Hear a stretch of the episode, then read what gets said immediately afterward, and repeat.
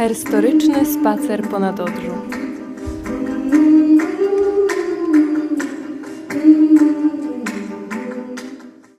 Dlaczego kobiety nie zajmują w historii miejsca równego mężczyznom? Przez wieki zmagały się z barierami prawnymi, społecznymi i mentalnymi. Musiały walczyć o to, żeby w ogóle podjąć naukę, pracować i tworzyć. Gdy im się już udało, utrudniono im dalszy rozwój, a ich dorobek często był bagatelizowany. W XIX wieku emancypantki zaczęły głośno domagać się równouprawnienia. Na szczycie ich postulatów znalazło się prawo do edukacji oraz prawo wyborcze. Z jakimi argumentami przeciwników się spotykały? Najlepszym przykładem są poglądy patrona ulicy, do której właśnie zmierzamy. Z ulicy Paulińskiej skręcamy w prawo w ulicę Rydygiera. Idziemy w stronę placu Staszica, aż do ulicy Świętego Wincentego. Ludwik Rydygier był jednym z najwybitniejszych chirurgów końca XIX wieku. Wprowadził wiele nowatorskich technik operacyjnych, które wykorzystuje się w medycynie do dzisiaj. Gdy jednak polskie emancypantki walczyły o prawa do wykształcenia wyższego, ten nowoczesny lekarz i profesor Uniwersytetu Jagiellońskiego głośno sprzeciwiał się przyjmowaniu ich na studia lekarskie. Co więcej, w 1895 roku z własnej inicjatywy opublikował artykuł, w którym dowodził. Biorąc rzecz zasadniczo, to równouprawnienie kobiet z mężczyznami jest nonsensem, bo się sprzeciwia odwiecznym prawom natury. Dopóki kobieta jest przeznaczona do rodzenia dzieci i karmienia niemowląt, jak na to wskazuje sama budowa jej narządów, to stanowczo ani mowy być nie może o równouprawnieniu z rodzajem męskim. Precz więc z Polski z dziwolągiem kobiety lekarza. Skręcamy w lewo i przechodzimy na pasach na drugą stronę ulicy Pomorskiej.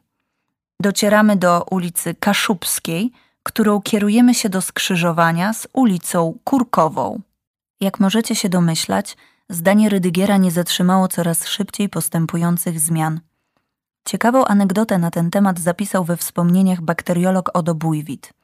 Jego żona, Kazimiera Bujwidowa, stała na czele krakowskich działaczek walczących o prawo kobiet do wyższej edukacji.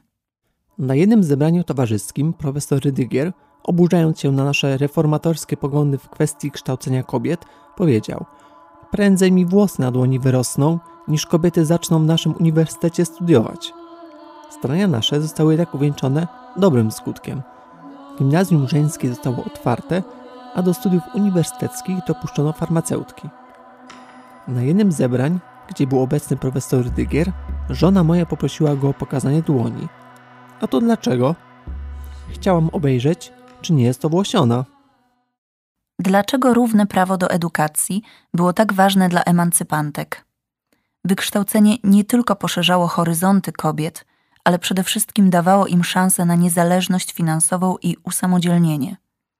Poza tym umożliwiło po prostu wybór niedostępnych wcześniej zawodów, a tym samym wybór różnych dróg życiowych. Sprawdźmy na przykład, czym zajmowały się i zajmują absolwentki trzeciego liceum ogólnokształcącego imienia Adama Mickiewicza. To jedno z pierwszych liceów w powojennym Wrocławiu. Wśród dawnych uczennic tej szkoły znajdziemy innymi aktorkę Gabrielę Kownacką, znaną szerokiej publiczności dzięki roli sympatycznej mamy w serialu Rodzina Zastępcza, czy historyczkę sztuki i kolekcjonerkę Barbarę Piasecką-Johnson. Wiele absolwentek wybrało również karierę naukową na wrocławskich uczelniach wyższych, w tak różnych dziedzinach jak farmacja, prawo, historia sztuki, matematyka czy chemia. Pamiętacie oburzenie profesora Rydygiera? Los spłatał mu figla. Jako dziekan Wydziału Medycznego na Uniwersytecie Lwowskim musiał podać dłoń córce Kazimiery Bujwidowej, która kończyła tam studia. I wiecie co? Jakoś musiał to przeżyć, a dłoń wcale nie była owłosiona.